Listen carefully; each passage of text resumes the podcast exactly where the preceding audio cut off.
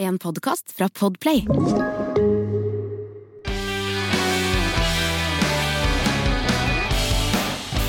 Creepy fakes når han grabber. Nå åker vi. Hjertelig velkommen til deg som nok en gang har ramla borti vår nye podkast Helsemeggene tar tempen. En podkast til å le og gråte av. Og der har vi håper å si, sjef-mega på plass. Hei, Helene Spro. Eh, Var ikke jeg assisterende, Megge, egentlig? Du er herved oppgradert. Oi, takk. Det gikk fort. Du, eh, jeg syns jo det er litt viktig at eh, lytterne også får blitt kjent med deg. Du og jeg har jo hengt sammen nå i fire år. Du driver og blogger og du, Helene. Monstersnupp. Hvorfor kaller du deg Monstersnupp? Det er jo de to fine sidene av morskapet, det, vet du. Man veksler fra monster til snupp. Så, og det var derfor jeg begynte å blogge også. Fordi at jeg hadde små barn, og prøvde å se hvordan andre løste problemer og sånn med små barn hjemme. Ja, for du var veldig tidlig ute. Hvor lenge har du hatt den bloggen? jeg har hatt den i over tolv år. Oi. Så eh, valgte jeg å skrive en blogg selv, fordi at det jeg leste var jo at ingen hadde problemer. Og alt gikk jo helt knirkefritt, og, og barna spilte jo fiolin i sin egen dåp, og det var liksom ikke måte på. Eh, og da tenkte jeg i alle dager er det bare jeg som eh, sleper med meg bustete unger i pysjamas i barnehagen, liksom. Så da tenkte jeg at nei, her trenger vi en motvekt. Så da, da starta jeg rett og slett Monstersnupp for tolv år siden. Og der beskriver du mammalivet ganske ærlig. Ja, fordi at vi trenger å få litt eh, Nå er det jo flere bloggere som har, kommet, som har slengt seg på den, men den gangen så var jeg egentlig litt alene. eh, Var det derfor du kom ha- på førstesiden Var det VG eller Dagbladet? Ja, jeg tror jeg var både på VG og Dagbladet en gang, jeg. Eh, Med rotete kjøkken, før Erna gjorde det. ja, men det var jo fordi at når folk la ut eh, bilder av eh, helt glansede kjøkken med søte små barn med kinafletter og forkle, og nå baker vi, så følte jeg at jeg ville vise hvordan kjøkkenet mitt så ut når alle ungene mine hadde hjulpet meg å lage lasagne. Det var, så ikke bra ut. Nei, det slo an, det. Det slo veldig an, men ikke hos mamma. Mamma ringte meg eh, på morgenkvisten og skrek i telefonen, for da var mitt rotete kjøkken på forsiden av VG og sol.no. Men det å blogge gjennom eh, så mange år, eh, det har jo gitt deg mange følgere og mange tilbakemeldinger. Men får man mye kjeft også når man blogger? Ja, men det gjør alle som stikker hodet fram, får kjeft, og du får kjeft for alt mulig rart. Så det kan man ikke bry seg om. Nei, Klarer du å la være at det går inn på det? Det bryr ikke jeg meg om i det hele tatt. Men fra blogg til politikk, Helene, hvordan ramla du inn i politikken? Jeg har jo vært politiker i, fra sofaen da, i veldig mange år. Jeg har jo vært engasjert, og jeg har deltatt i mange debatter fra stua. Men Snakka til TV-en, da, eller? Og selvfølgelig høyt og hissig. For eh, jeg føler jo at eh, spesielt i helsevesenet så, så føler jeg at det er de ansatte som sitter på fasiten, men de blir jo ikke verken hørt eller spurt. Til slutt så fant jeg ut at jeg er, er faktisk nødt til å finne et parti hvor jeg kan eh, engasjere meg og sørge for at min stemme blir hørt. Og da, og da tenkte jeg som en helseansatt. For jeg var frustrert etter 20 år i eh, helsevesenet, og det har jo faktisk ikke skjedd noen ting. Ja, Vi fikk stabla på beina et helseparti, da. Ja, og jeg fant dere jo eh, nesten ved en tilfeldighet og ble engasjert. Eh, veldig. Helt fra starten av, og det har jo vært kjempespennende. Nå syns jeg jo faktisk det er gøy. Jeg var livredd i eh, begynnelsen, men eh, jeg fikk ikke påvirka så mye av politikken fra sofaen, så derfor så bestemte jeg meg for å engasjere meg direkte i Helsepartiet. Det er det mange som er glad for, Helene. Og når vi nå skal ta tempen, hva er dagens tema? Det er eldreomsorgen og underbemanningen der.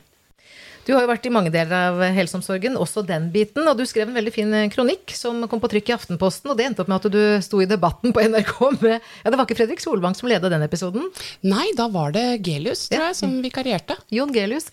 Og da kom du i debatt med Åse Michaelsen, som da var eldreminister. Hva var det du uttrykte om eh, eldreomsorgen i den kronikken? Det jeg ga uttrykk for, var at jeg føler at det er en stoppeklokkementalitet. Det er for lite ansatte til å gi god omsorg. Og måten arbeidsdagen er lagt opp på, samsvarer jo ikke engang med utdanningen vår, hvor vi skal ha fokus på å bli godt kjent og kunne gjøre gode observasjoner og vekke tillit og ha tid til pasienten. Det er ikke alle som, som sitter og, og forteller direkte hva som plager dem, eller Men du, kan ikke du ta oss med inn i hverdagen til en som jobber i hjemmetjenesten? Når begynner vakta? Hvor mange er dere innom? Hva er det egentlig som skjer når man jobber i hjemmetjeneste? Og hvem er pasienten deres? Pasientene kan være mennesker i alle aldre med alle typer eh, utfordringer. Det er jo mange som ikke vet det om hjemmetjenesten, da, at de minste pasientene kan faktisk være barn. Oi. Eh, Men eh, hovedandelen er jo eldre mennesker. Og hva er det de trenger hjelp til? Det kan være alt fra stell, hjelp til påkledning, noen trenger hjelp til medisinering, noen trenger hjelp til å kontrollere diabetes kanskje, noen får sårstell. Så det er både medisiner, men får dere tid til å trøste og prate og spise med dem og sånn? Det er jo det som er utfordringen, og som gjorde at jeg skrev kronikken. fordi at vi tar oss jo den tiden, men den tiden tar man jo da på bekostning av kanskje matpauser og dopauser og, og sånne ting. Dette hører vi fra mange som jobber i helsetjenesten, at det er for dårlig tid og for lite tid til å snakke og observere med pasienten. Men er det bare fysiske utfordringer det tar dere, eller er det psykiatri også? Og vi har masse psykiatri, og, og, vi ramler jo litt innom rusomsorgen også. For det er jo litt sånn at når, når de andre tjenestene stenger klokka tre på, på, ettermiddagen, så er det hjemmetjenestene som tar over. Ja, for, går man i dagskift eller nattskift? Hjemmetjenesten jobber døgnet rundt. Hele natta også? Ja da. Hvor mange pasienter har en som jobber i hjemmetjenestene sånn i gjennomsnitt? Det kommer helt an på behovet til pasientene man går. Man går jo forskjellige lister, og på noen av listene så kan det være kanskje 20 stykker som, som ikke trenger så mye hjelp, at det er korte besøk. og så eh, kan det være lange stell på andre lister. Men hva slags minutter eller timer får dere tildelt? Hva er det korteste og hva er det lengste? Jeg tror eh, de korteste er vel kanskje på to minutter eller noe sånt, hvis det er snakk om å dele ut eh, tabletter. Og det lengste, da? Det kan være over to timer. Ja, Og da skal man få stell og vask og mat og ja, samtale? Er det, ja. er det vanlig at man får tid til å prate litt med pasienten, da? Sånn sette seg ned liksom og ta øyekontakt? Jeg, jeg tror det blir ofte litt sånn at man tar seg tid, og så bruker man tid hos de pasientene som man føler har et behov der og da. Og så tar man den tiden fra andre pasienter igjen. Så man bytter litt på de pasientene som får litt ekstra samtale og litt ekstra omsorg. Men hvem er det som bestemmer da om du skal ha to minutter eller 30 minutter?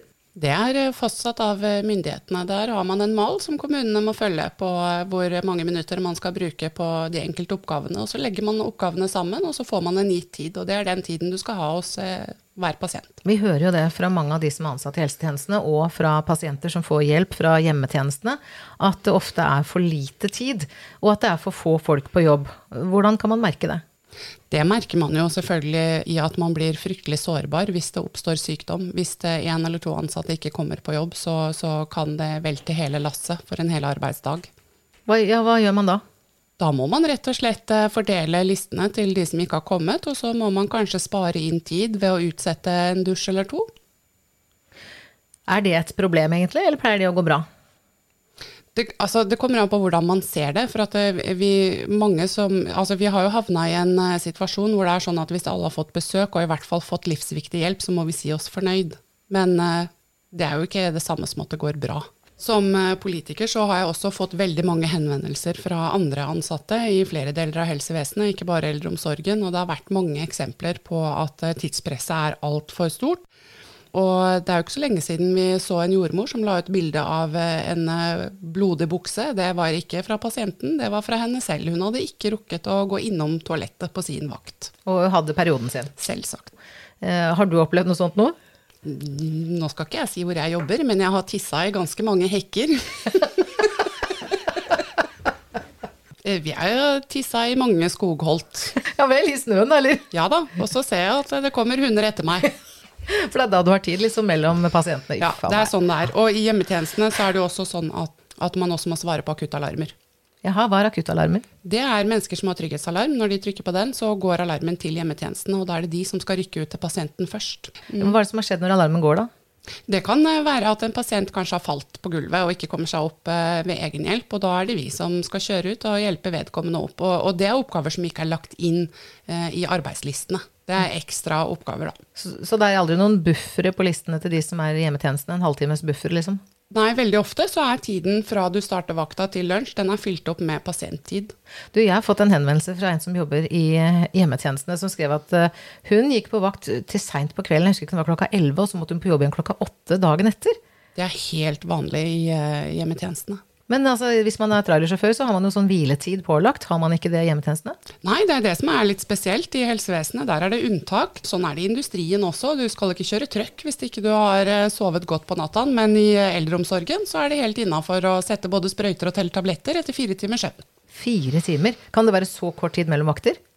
Nei, det kan det ikke være. Men hvis man har en heftig kveldsvakt med kanskje noen alarmer, kanskje det har vært et uventa dødsfall, så kommer man hjem da, sånn kvart over elleve, halv tolv med høy puls. Man klarer ikke å bare legge seg etter en sånn vakt. Er, vi er mennesker, vi må bearbeide inntrykkene vi opplever på jobb.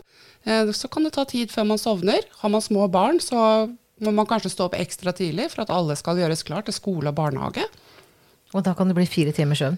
Ja, er, jeg har hatt flere netter hvor jeg ikke har sovet mer enn fire timer, og så har jeg gått på jobb.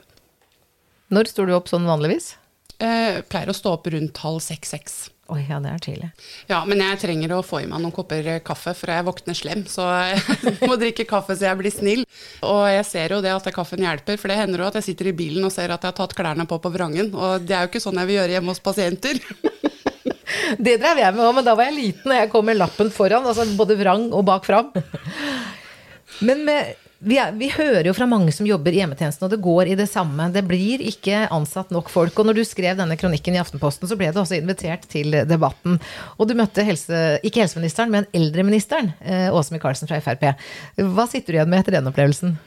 Det er mange følelser. Jeg er fremdeles litt traumatisert av hele opplevelsen. Jeg ble jo først veldig veldig glad når vi fikk en eldreminister. Jeg tenkte oi, nå er vi på riktig spor, 20 mm. år etter at eh, vi ble lovet en glitrende eldreomsorg. De hadde eldreminister i Australia allerede for flere tiår siden. Nettopp. Og da tenkte jeg at eh, nå får vi nok et vettu hue inn eh, med noen fornuftige tanker som helt sikkert har enten kompetanse eller yrkeserfaring i helsevesenet, og det har jo ikke Åse. Og det som sjokkerte meg, jo ikke, var jo ikke bare det, men den totale mangelen på kompetanse innen eldreomsorg. Når vi da prøvde å diskutere bemanning, og jeg hevder at bemanningen er for lav, så mener hun at det er den ikke. At vi heller skal gi sykepleierne mer tid til viktigere oppgaver ved å rett og slett delegere andre oppgaver i eldreomsorgen til frivillige mennesker. Ja, Det husker jeg var det det handla om. Ja. Men er det så gærent, da? Å få inn flere frivillige? Ja, altså Dette viser jo hvor uh, totalt inkompetent hun er akkurat når det gjelder eldreomsorg. Fordi at de som jobber med eldre, de vet at det å smøre en brødskive, det er en sykepleieroppgave. Hvorfor det? Fordi at da kan vi observere om pasienten faktisk har nytte av å spise, om de har problemer med å spise, om de har friske tenner, om de har en protese som sitter dårlig, kanskje har de en svelgepariese, kanskje har de dårlig smak og derfor ikke spiser nok. Så det er faktisk Jeg har dårlig smak og spiser mye. du har ikke dårlig smak, jeg er jo her. Ja. Trekker det tilbake og påstår det motsatte. Takk.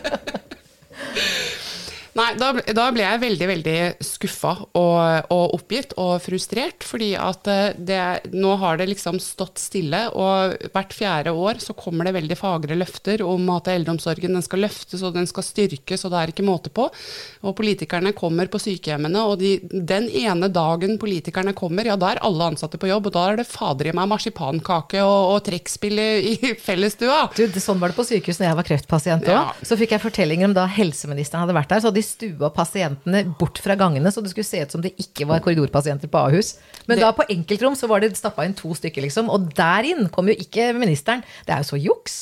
Men det var jo akkurat det samme du gjorde på Kalnes når Bent Høie kom dit. Da har jeg bekjente jeg som lå nede i kjelleren ved siden av kjølerommet for å skjule Det er jo, ja. Hva er dette for slags bedrag? Det er spill for galleriet, mye av politikken. Da kan man si at det kanskje er en formildende omstendighet at politikerne kanskje ikke blir vist det reelle bildet, da. Eh, fordi at helsevesenet er litt sånn at vi skal ikke fortelle hvordan det egentlig står til, av en eller annen merkelig grunn. Men det er derfor man trenger et politisk parti som har helse først, og som all politikk springer ut av helsehensyn. Og det er bare Helsepartiet som har helse først. Ja, det er faktisk bare vi som har en politikk som er, eh, som er mynta eh, direkte på eldre, eldreomsorg. Pårørendepolitikk er vi også helt alene om å ha, og, ja, og det Høyre, trenger vi. Høyre lagde blåkopi av vår pårørendepolitikk etter at vi lanserte vår, faktisk. Så Høyre har også pårørendepolitikk, men den er helt lik vår. Ja, og vår kom først, så. Ja. Bare noen tar det inn, så får det være greit. Helt enig. Du hører på podkasten Helsemegene tar tempen med Lise Askvik og sjefmega Helene Spro. Og i dag handler det altså om eh, eldreomsorgen. Nå har jo ikke regjeringen noen egen eldreminister lenger, så jeg veit ikke om det var du som tok luven av hele prosjektet? Nei, jeg tror ikke de egentlig hadde noen intensjon om å, å, skape noe god eldrepolitikk. Jeg tror det var litt spill for uh, galleriet. For at uh, det kom ikke noen gode ideer ut av det. Det ble ikke fatta noen gode vedtak, og eldreomsorgen ble ikke bedre. Det er fremdeles underbemanning. Det er et kjempestort problem. Ok, så er det underbemanning i deler av eldreomsorgen, men er det noen deler i Norge, tror du, hvor det faktisk er ganske bra? Ja, det er det. Det er flere steder i Norge hvor man eh, disponerer ressursene sine på en mye mye bedre måte, som gjør at man har flere ansatte, og at de ansatte også har en arbeidshverdag som gjør at de kan komme på jobb selv når de ikke føler seg 100% det er derfor Helsepartiet har politikk på at dette her må faktisk, vi må ha noen minimumsstandarder, og det må være gjeldende for hele landet. Ja. Det tror jeg er deler av løsningen. Men du, nå har vi altså tatt tempen på underbemanninga i eldreomsorgen. Har du kommet fram til noen eh, diagnose? Eh, når det gjelder eh, eldreomsorgen i Norge, så tror jeg at eh, diagnosen må være cerebral inkontinens. Her er det kraftig lekkasje fra toppetasjen. Og det kan stoppes. Det håper jeg. Helene, nå må jeg gå, det må du også. Jeg hadde en venninne, og bestemor hennes pleide å si med en gang vi kom på besøk, så pleide hun å si hei, hei, ja ja, nå må vel du hjem, du. Oi! Og det var Astrid Gunnestad. Nei! Det er ikke rart hun også blei av Megge. Men eh, kjære Helene, hva er tema for neste podkast fra Helsemegene tar tempen? En podkast til å le og grine av. Jeg aner ikke.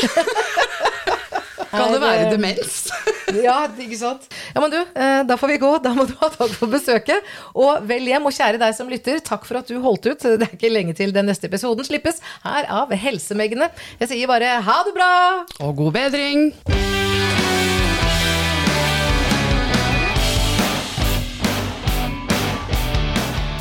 Du har hørt en podkast fra Podplay. En enklere måte å høre podkast på. Last ned appen Podplay, eller se podplay.no.